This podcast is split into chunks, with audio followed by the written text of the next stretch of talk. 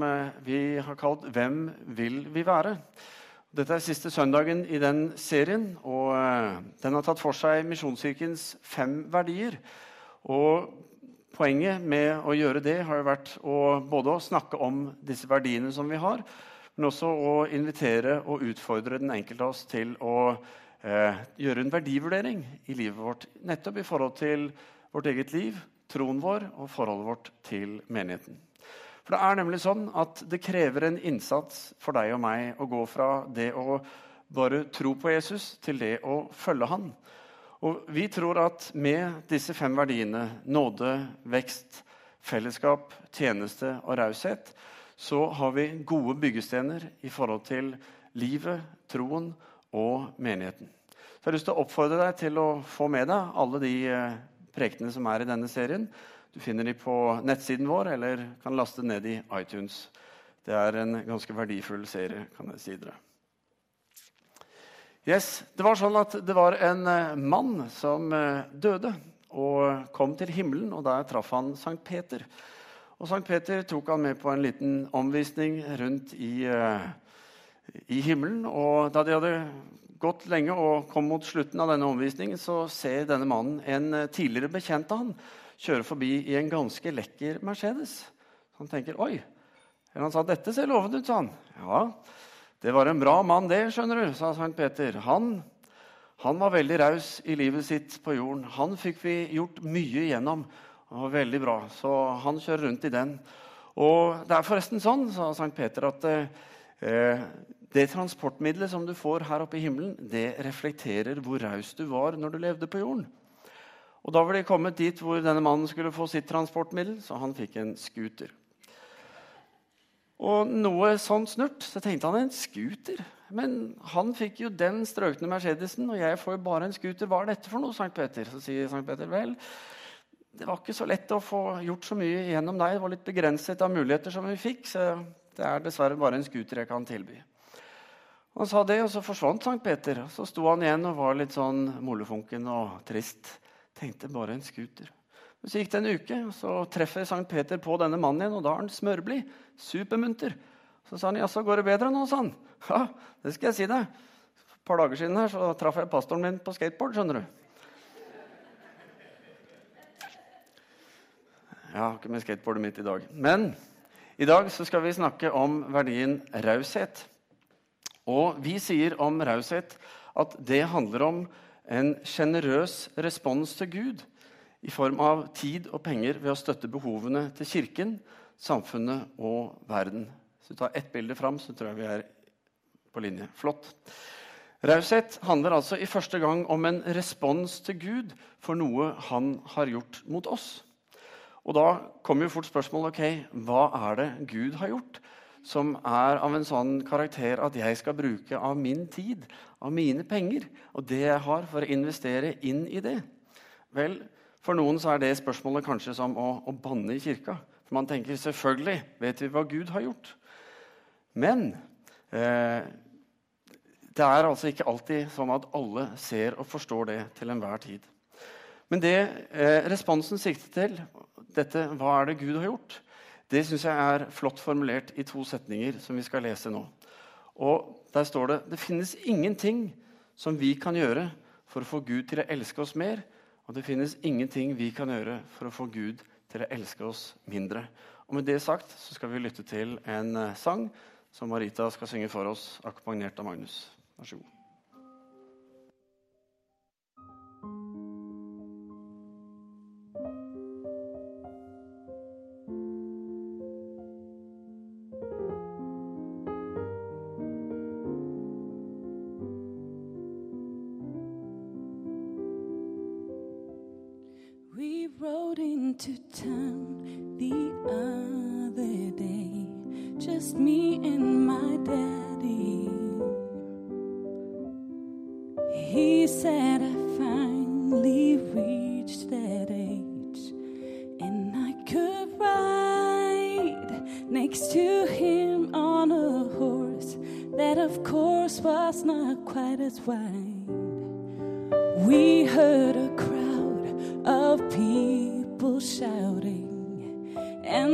We stopped to find out why.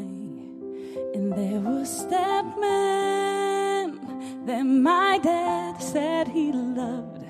But today there was fear in his eyes. So I said, Daddy, why are they screaming? Why are the faces of some of them beaming? Why is he dressed in the bright purple robe? I'll bet that crown hurts him more than he shows. Oh, Daddy, please, can't you do something? He looks as though he's gonna cry. You said he was stronger than all of those guys. Please tell me why. Why does everyone want him to die?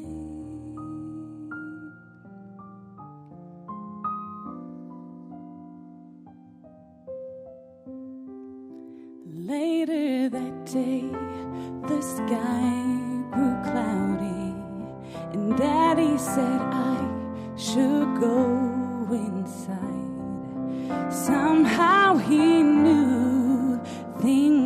things would get stormy. Boy, was he right, but I could not keep from wondering if there was something he had to hide. So after he left, I had to find out. I was not afraid of getting lost. To a hill where I knew men had been killed. And I heard a voice come from across. And it said, Father, why are they screaming? Why are the faces of some of them beaming? Why are they casting their lots for my clothes? This crown of thorn hurts me more than it shows. Oh, Father, please, can't you do something? I know you must hear my cry. I thought I could handle a cross of this size. Father, remind me why. Why does everyone wants me to die? Oh, when will I understand why? My precious son, I hear them screaming. I'm watching the face of the enemy beaming. But soon I will clothe you in robes of my own. But this doesn't hurt. I know it's hurt me more. But this dark hour, I must do nothing. Though I heard your unbearable cry, the power in your blood destroys all of the lies. Soon you'll see past their unmerciful lies. Look there below, see the child trembling by her father's side. Now I can tell you why.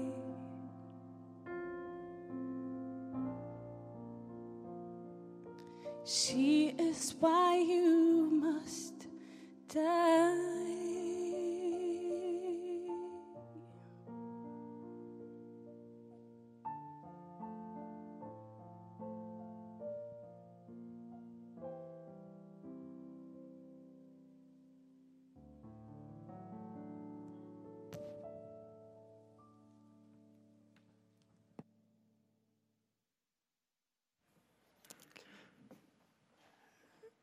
Syns eh, den sangen på en eh, flott måte forteller noe hva Gud har gjort for oss.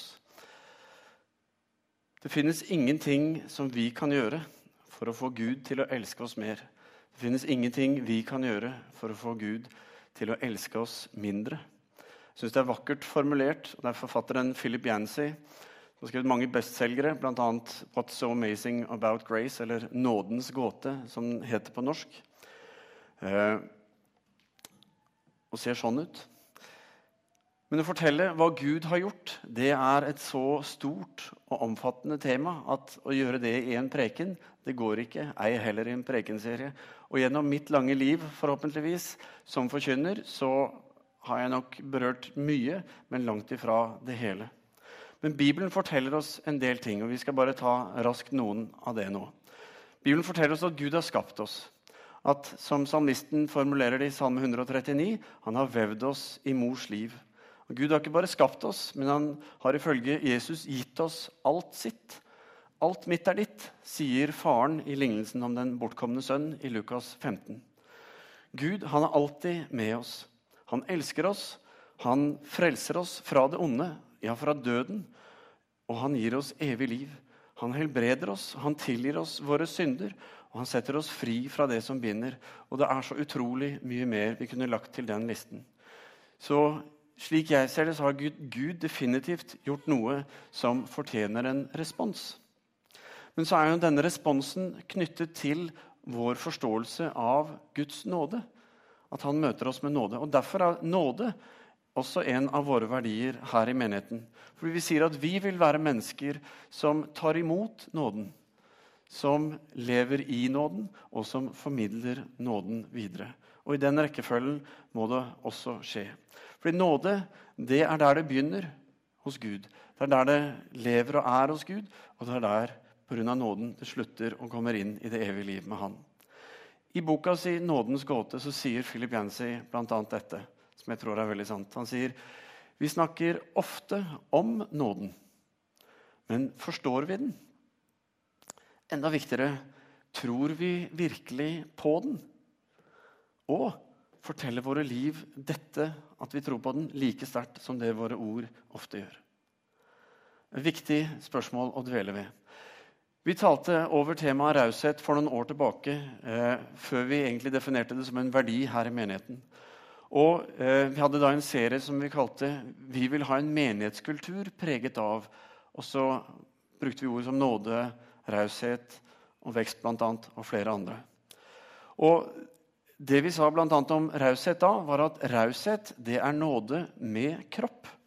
Og det kan høres litt rart ut, men med det mener vi at nåden som Gud møter oss med, den har et utseende. Eh, og vi møter den i Jesus, som dermed ikke bare viser oss hva Guds nåde er, og hva raushet handler om, men han gir oss et forbilde, noe vi skal få lov til å gjøre å følge. Jesus han eh, demonstrerte tydelig raushet. fordi i møte med mennesker så var han så tydelig til stede.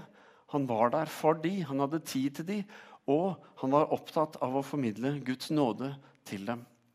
Og Fortellingene om Jesus forteller oss også at Jesus i møte med mennesker var levende opptatt av å formidle hva Gud ønsket å si hva som lå på Guds hjerte i møte med de menneskene han så. Så Av og til så sa han noe til dem. Noen ganger så la han hendene på dem og ba for dem, og de ble friske. Andre ganger så kanskje mettet han 5000, osv. Jesus sier selv i Johannes 5, vers 19, så sier han sannelig, sannelig, jeg sier dere, sønnen kan ikke gjøre noe av seg selv, men bare det han ser sin far gjøre. Det far gjør, det gjør også sønnen. Så opptatt var Jesus av å gjøre og formidle det som lå på Guds hjerte, til de menneskene han møtte. Så raushet det handler ikke om å være litt sånn ekstra grei mot andre. Men raushet som verdi, sånn vi tenker det, det handler om å legge sitt eget til side for å slippe Gud til i livet og i hverdagen. Og det var det nettopp Jesus gjorde. Så raushet det handler om å formidle Guds vilje rett og slett, til menneskene rundt oss. Og Det høres kanskje ut som en sånn der, Oi, kjempeprestasjon. Det klarer ikke jeg å gjøre. Men først og fremst så vokser det fram av en holdning, av et tankesett hvor vi trener opp livene våre til å lytte til hva Gud sier. Og Det gjør vi gjennom å be Gud om å vise oss eh, hva er det du ønsker at vi skal være med å bringe inn i de forskjellige situasjonene vi er. Enten det er på jobb eller hjemme eller hvor det måtte være. Og så tror jeg Gud vil vise oss det mer og mer. Og særlig når vi begynner å handle på det, så tror jeg også vi vil se enda mer av det. Og så tror jeg det at hvis vi ikke trener opp den holdningen, altså hvis ikke vi eh, prøver å være bevisste på raushet som en del av livet vårt, så har vi lett for å bli hjelpeløse i mange situasjoner. Og kanskje til og med passive, og i verste fall likegyldige. Jeg husker Da jeg studerte ved Ansgarskolen i Kristiansand, på det teologiske seminaret der, eh, så fikk vi besøk av eh, en evangelist som heter Håkon Fagervik. Og Han hadde med seg en kar fra Elfenbenskysten. Eh, og Han var fra en menighet hvor de ba masse. Han ba mange timer hver dag, fikk vi høre. Og Håkon, som du ser bildet av her, han ved siden av er ikke han fra Elfenbenskysten. Jeg synes bildet passa fint. Så fikk vi fortelle at Håkon driver et bønnesenter oppe i Levanger. Eh, blant annet også i tillegg til å reise rundt og forkynne. Men når Håkon var på besøk sammen med denne karen, så eh, har de et møte på kvelden. Og så er det en kvinnelig medstudent som er på dette møtet, og som eh, ved slutten av møtet går fram fordi det er tilbud om å bli bedt for. Så hun går fram, og så blir hun bedt for, og så handler hun da i en samtale og i bønn med denne karen fra Elfenbenskysten. Og når jeg treffer henne da etterpå, så er det nesten som hun svever bortover. Hun er så glad. Hun er så letta. Så jeg så, liksom så the point at her har det skjedd noe.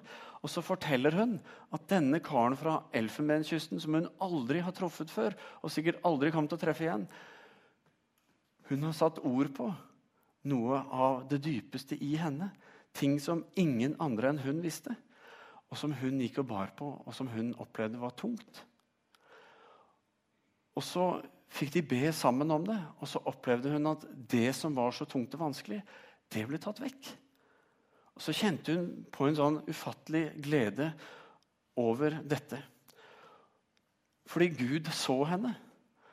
Og så brukte han en mann som var villig til å reise til Norge, til å stille seg selv til disposisjon. Var så raus at han sa, 'Gud, jeg vil bli brukt av deg.' Om så enn å måtte reise helt til kalde Norge. Så fikk han møte henne og flere andre. Jeg har tidligere fortalt dere om eh, den italienske cruiseskipturisten som var her i Stavanger noen få timer. Og Da han var ute og gikk med kona si, så så han kirken vår. Opplevde at han så noe spesielt. Gikk opp hit, og så står vi og prater rett innafor døra. Sånn turistprat og byen og alt det der. Så hadde vi pratet en stund, og så var det liksom naturlig at han da, eller de gikk videre. Men idet han skal gå, så sier han du, jeg opplever at Gud vil at jeg skal si noe til deg. sa han til meg. Og så talte han rett inn i livet mitt. Satte ikke ord på hemmeligheter, men jeg gikk og holdt på noe, og det var at jeg hadde det tungt. Jeg syntes ting var vanskelig, og sleit med å få liksom, ting til bare fungere i hverdagen min. Og så talte han trøst, håp og oppmuntring fra Gud inn i hjertet mitt, som forvandra hele dagen min og tiden min etter det. Og det handlet om at han var raus at selv når han var på ferie og bare hadde noen timer her i byen, så var han villig til å bruke 20 minutter pluss her oppe på den måten. Raushet handler om å se hva Gud har gjort, og, være med på det, og ville være med på det Gud gjør. Det vi gjerne kaller Guds vilje. Eh, fordi det er noe som forvandler liv. Ser vi dette, så kan vi velge å si 'Dette vil jeg være med på'. Eller jeg vil være en som er med på å formidle Guds vilje. Og Det kan være så enkelt som at Gud minner deg på noen som du ikke helt klarer å slutte å tenke på. Så tenker du ok, la meg nå ta kontakt med den. Og Kanskje gjør du det på SMS eller på en e-post, eller du ringer eller sender et godt gammeldags postkort. eller hva det måtte være. Men du handler på det, og så betyr det noe inn i det menneskets liv. Men det kan skje hvor som helst og når som helst. Du kan være på en organisert misjonsreise, og så skjer det. Det kan skje på vei til jobben, når du er på bussen, eller hvor enn det måtte være. Til og med på ferie, som vi hørte. Men raushet det er en respons til Gud som sier at 'jeg vil eh, være med å gi av det jeg har', av min tid, av mine penger og hva det måtte være jeg har, Gud, som du kan bruke Og Kanskje du har hørt på et par av disse historiene så tenker du hjelp. Jeg håper ikke noen kommer bort til meg og setter ord på det som er inni meg. For det kunne være skummelt. Men da kan jeg si det. At Gud vil alltid, uansett hvis det nå skjer, så vil han bruke en som du kan stole fullt og helt på. Og Hovedregelen er at Gud som regel taler til oss først og ønsker å eh, gjøre dette gjennom oss. Og kan bruke folk selvfølgelig rundt oss til det. Eh, bare så det er sagt. For noen år tilbake så satt jeg med noen regninger som var eh, over det jeg hadde til rådighet. Eh, og Sånn er det jo av og til, og stort sett så ordner det seg. Men denne gangen så kjente jeg at ok, dette klarer jeg ikke. Dette har jeg ikke penger for å få tatt hånd om innenfor de fristene jeg skal. Så jeg var litt sånn ute av det. Jeg kunne selvfølgelig brukt kreditt, som man av og til må, men jeg hadde jo vært på ferie for ikke så lenge siden, så det var ganske kokepunktet der. Så det var ikke så mye å hente der heller. Så opplever jeg det at en dag når jeg sitter på kontoret, så kommer en inn til meg og så gir meg en konvolutt. Sier 'Gud har sagt at du skal ha dette'. Og Så får jeg denne konvolutten, og oppi der så ligger det beløpet som jeg trengte for å dekke det jeg ikke klarte å dekke inn. Og så Bare så ikke du tror at 'Jei, kult, nå kan vi ut og handle, ikke sant? fordi Gud kommer og hjelper oss på den måten, eh, så er ikke det en regel. Men poenget er at Gud ser. Gud kan hjelpe oss på så utrolig mange forskjellige måter. Og jeg tenker, Tenk å få lov til å være med og bety noe inn i andre menneskers liv på den måten. Enten det handler om penger eller ord eller hva det måtte være Gud kaller deg til. Eh, raushet det er en verdi fordi den responsen som vi sikter til, er en klar måte som Gud ønsker å benytte seg av for å la sin vilje skje i ditt liv og gjennom ditt liv og mitt liv. Det er helt klart at det er mye som vi egentlig har gått glipp av, som vi ikke har fått erfare. Rett og slett fordi vi ikke har trent opp raushet som en verdi i livene våre. Fordi eh, verdien den bygger en holdning i oss som sier at 'jeg vil være en som Gud får bruke til å velsigne andre'. Jeg vil være en som kan være med å bringe nettopp framtid og håp i andre menneskers liv. I Jeremia 29, vers 11, så sier Jesus gjennom nettopp profeten Jeremia til sitt folk så sier han, For jeg vet hvilke tanker jeg har med dere. Fredstanker, ikke ulykkestanker. Jeg vil gi dere framtid og håp, sa Gud den gangen, og han sier det enn i dag. Og det er det vår raushet er med på å formidle. Det er livsforvandlende. Og så langt jeg kan se, så er dette noe du og jeg og verden ikke minst trenger. Så da er jo spørsmålet hvem vil vi være? Dette spørsmålet har vi stilt gjennom denne serien, og jeg tror dette spørsmålet er utrolig viktig. For oss som kristne, for oss som menighet, som ikke bare tenker at vi vil tro på Jesus, men vi også ønsker å følge ham, så eh, eh, tror jeg at nettopp dette spørsmålet hjelper oss til å følge Han som best vi kan. Så jeg har lyst til å bare utfordre deg til å ikke la spørsmålet 'Hvem vil vi være?' og disse fem verdiene og det vi har snakket om, bare være noe som du syns er fint og hyggelig og bra, og alt det der, men at du lar det få lov til å gjøre noe i deg. La det utfordre deg. Gjør noen endringer. For det er viktig. For hvis Gud er Gud, hvis han lever, og hvis han bryr seg om mennesker i dag, så skjer Guds vilje gjennom mennesker som tror, og som vil følge han. Gjennom menigheter som tror og vil følge han. Og eh, hvordan du begynner, betyr ikke så mye. Kanskje er du allerede i bevegelse. Om du tar et lite steg eller et stort steg, om du eh, begynner med ett eller flere, så er ikke det det som er poenget, hvor mye, men det er bevegelsen. At du velger å følge, som er viktig. For det er gjennom det at vi kan strekke oss til å bli noe mer enn det vi har fått lov til å være så langt. Slik at vi kan forvandles til å bli den vi vil være, tror jeg mange av oss innerst inne. Og jeg er overbevist om at menigheten og vi som tror, har en klar nøkkelfunksjon i dette med å spre Guds vilje og la Guds vilje skje midt iblant oss. Og jeg tror menigheten er et strategisk verktøy som Gud har valgt seg for at hans vilje skal skje. Vi sa det, sa det forrige søndag når vi snakket om tjeneste og bildet som Paulus bruker på menigheten, hvor han sier at menigheten det er Jesu kropp. Og hver enkelt av oss vi er en kroppsdel eller et legeme, eller et lem på Jesu legeme. Og Derfor er det også sånn at summen av vår tjeneste, summen av vår nådeforståelse, summen av vår raushet, veksten i våre liv, fellesskapet vi er en del av, summen av alt dette er Jesus Kristus. For jo mer dette skjer i oss, jo mer blir også Jesus synliggjort gjennom oss, både som personer og som menighet. Og Derfor er den betydningen som du og jeg og denne menigheten får i byen vår, i regionen vår, den er et resultat av nettopp hvem du og jeg sier at vi vil være. Vi vet at eh, menigheten vår driver et, et, arbeid i vekst. Og hele tiden så har vi derfor også et behov for å vokse, også økonomisk. Bibelen, Bibelen den, ikke bilen, men Bibelen den snakker om å gi en tiende, altså 10% av inntekten vår, tilbake til Gud.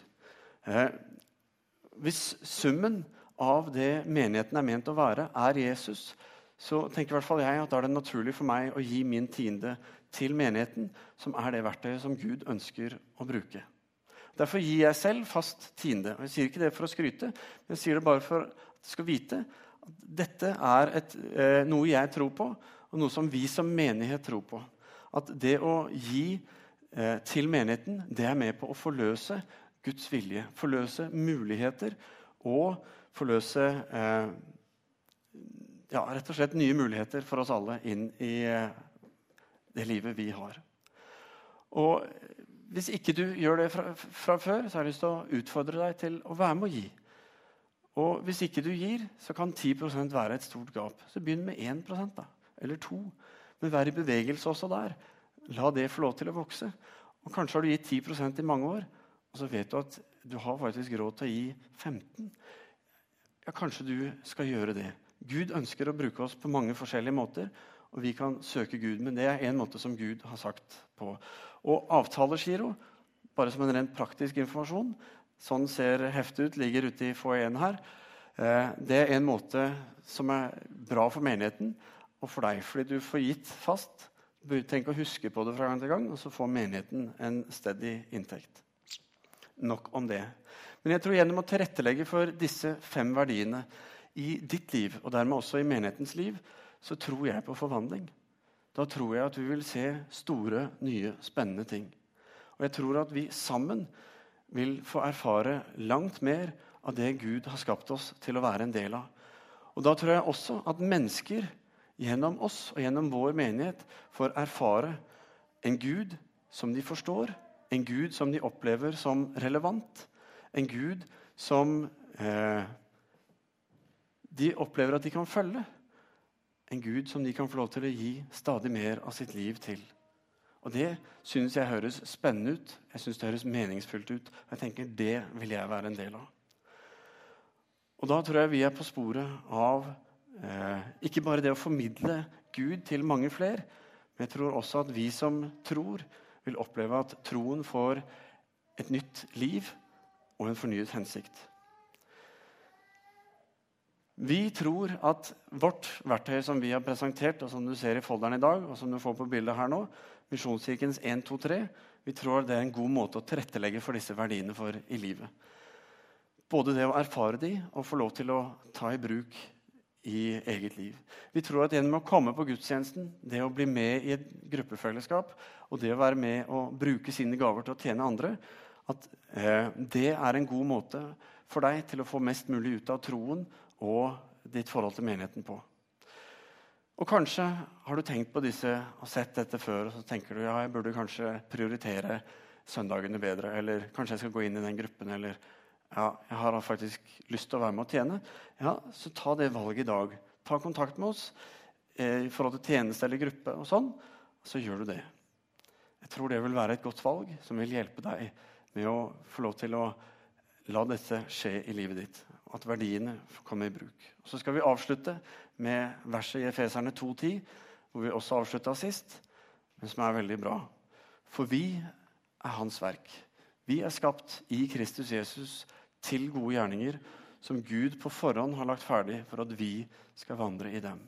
Og så spør Gud er du villig. Er du villig til å la meg få lov til å virke i og gjennom deg? Er du villig til å sette eh, noe av ditt til side for at jeg skal få lov til å virke i og gjennom deg? Der tror jeg raushet er en utrolig viktig verdi for oss, som vi skal få lov til å være en del av.